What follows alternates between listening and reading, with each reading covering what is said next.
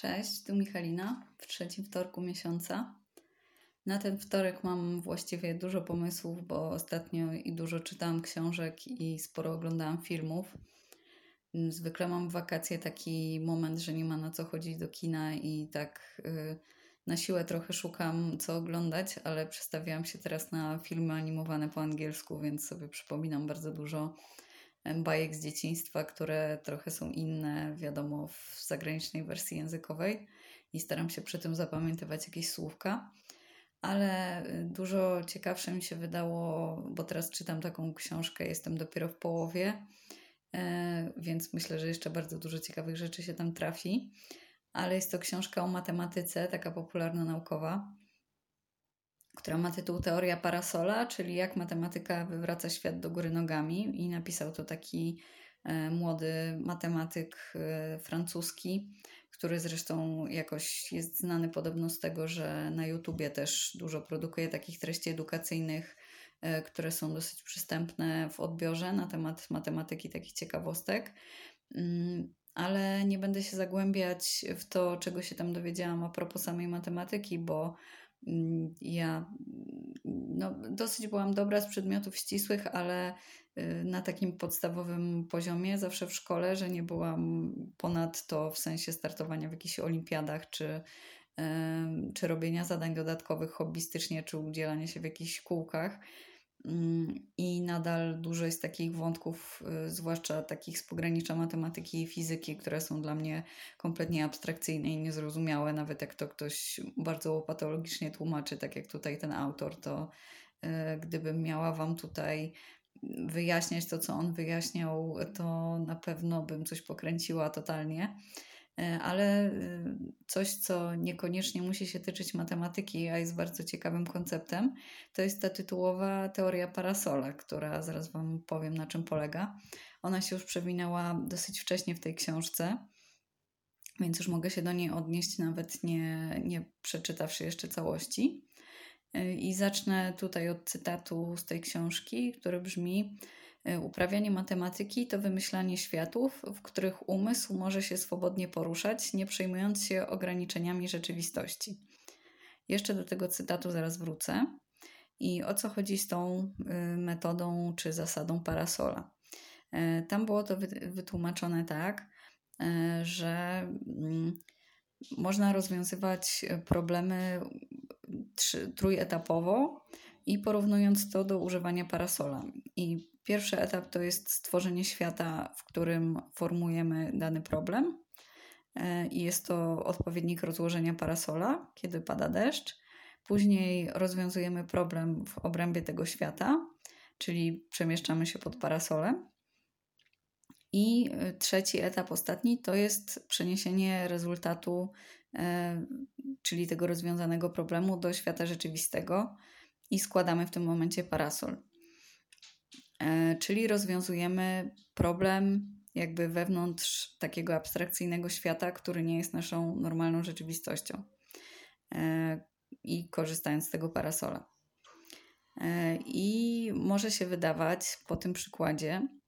że y, wymyślamy sobie jakiś abstrakcyjny świat i wyjściowo jesteśmy mm, powiedzmy niezmoknięci i bez parasola i tak samo to później wygląda, czyli skutek jest taki, jak przejdziemy pod parasolem, że go składamy, odkładamy i znowu jesteśmy bez parasola i niezmoknięci, więc właściwie gdzie tu jest rozwiązany problem, skoro to jest tylko pod tym parasolem? Bo to jest osiągnięcie celu wewnątrz tego szczególnego świata, który sobie stworzyliśmy, ale niekoniecznie to oznacza, że to nam nie pomoże w rzeczywistości realnej, w której jesteśmy w żaden sposób, bo to, że tamta rzeczywistość, w której rozwiązujemy ten problem, jest wymyślona, y, i tak może nam dać bardzo wiele wskazówek co do tego, y, jak przełożyć ten sposób na świat rzeczywisty. Na przykład chociażby poprzez kontrast, czyli jeżeli wyobrażamy sobie ten zmyślony świat, w którym jesteśmy w stanie rozwiązać ten problem, to możemy zauważyć, y, co różni ten świat i te warunki od tego, co mamy w realu. Czyli jakie warunki na przykład nie są spełnione teraz, które musiałyby być spełnione, żebyśmy sobie z tym problemem poradzili, tak jak sobie w wyobraźni poradziliśmy. Czyli to jest taka główna zaleta, moim zdaniem, tej metody, czyli możliwość skontrastowania tego świata idealnego, w którym ten problem jest rozwiązany, do tego świata, z którego przyszliśmy, jakby. Mm, I to jest y, coś y, związane właśnie z jakimś konkretnym problemem. E, I do czego jeszcze można to zastosować? E, ja już Wam mówiłam parę razy, że ogólnie nie lubię bardzo wakacji i urlopów i wolnego czasu, bo zawsze mam ochotę gdzieś pojechać, gdzie mnie nie będzie, żeby mogła od siebie odpocząć i zawsze się wkurzam, że nie mogę i że jak mam w zasadzie więcej czasu z własnymi myślami, to jestem dużo bardziej zmęczona. Mm, I tutaj ta metoda parasola też wydaje mi się, że jest możliwa do wprowadzenia trochę w innym celu, czyli właśnie w takim celu, jakiego ja potrzebuję, jako przerwę y, od siebie, od swoich jakichś cech, y, bez konieczności zmieniania się na stałe. Y, I ostatnio testowałam sobie trochę tą metodę podczas startu biegowego, bo już w jednym odcinku z jednym z ostatnich odcinków Wam opowiadałam, że y, mi się odpala często na biegach ten wewnętrzny krytyk, którego ja nazywam męczybułą, y, który mi chce sabotować start i mówić, że zaraz się przewrócę i jestem za wolna i beznadziejna i się zadyszę na śmierć. Mm, I przy okazji tego ostatniego startu uznałam, że mogę potraktować ten start jako ten deszcz y,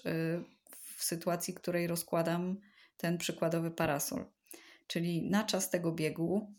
uznaję, że pada deszcz i że używam parasola jako ochrony, czyli przez jakiś czas jestem w takiej sytuacji, że rezygnuję ze swoich normalnych cech i ze swoich normalnych zachowań, które mam z reguły w czasie biegu, czyli z tego słuchania tej swojej męczybuły.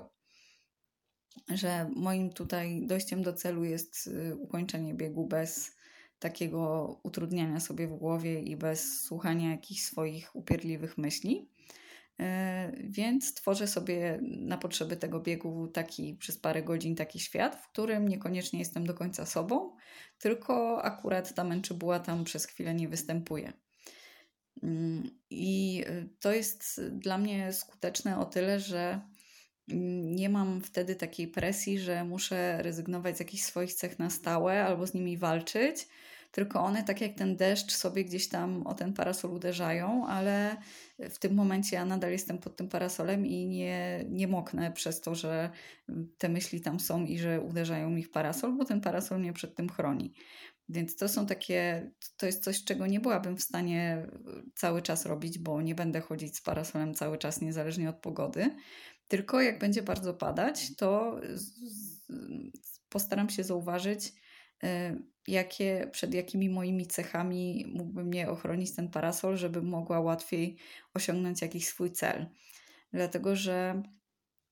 y, u siebie się z tym bardzo często spotykam, ale też u wielu innych osób, że często bardziej niż na dostosowaniu swojego zachowania do danego problemu i szybszego rozwiązania i szybszego dojścia do celu, to wybieramy to, jacy nam się wydaje, że jesteśmy, jaką mamy wizję siebie, jakie mamy takie stałe cechy i stałe reakcje,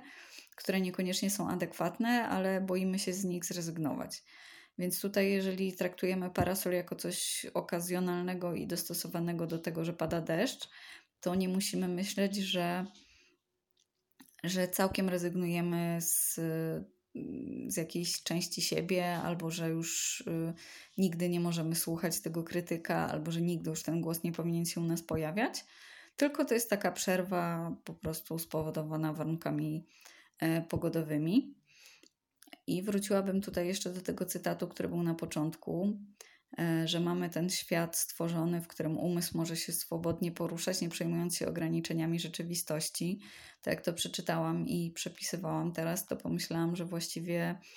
mm, ten umysł nie przejmuje się ograniczeniami rzeczywistości, tylko że też te ograniczenia rzeczywistości właściwie są przez ten umysł nasz y, tworzone.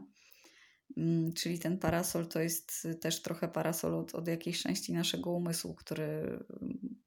działa schematycznie i który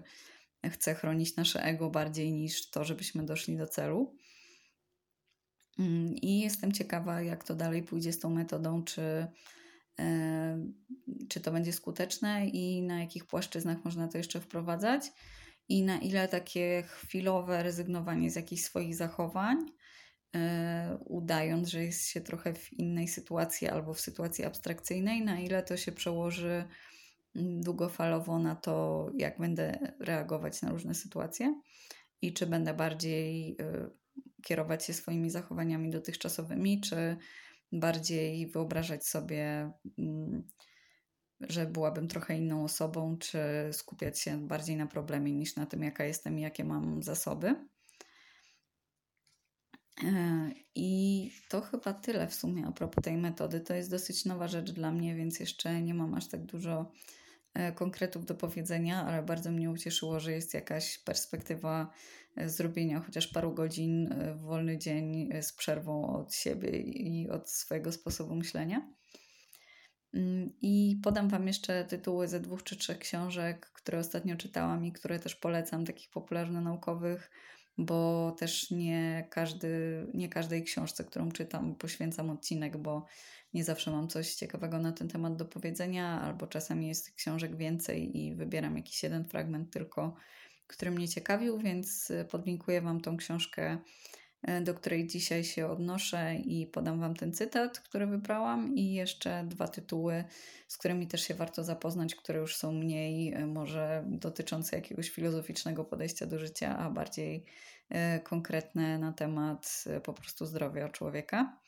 I o filmach animowanych też myślę, że będzie jeszcze odcinek może w przyszłym miesiącu, jeżeli będę kontynuować e, zwyczaj właśnie oglądania po raz 20 filmów Pixara, tylko tym razem po angielsku. Więc y, możecie też dać znać, czy macie jakieś ulubione filmy z dzieciństwa, które może też znam.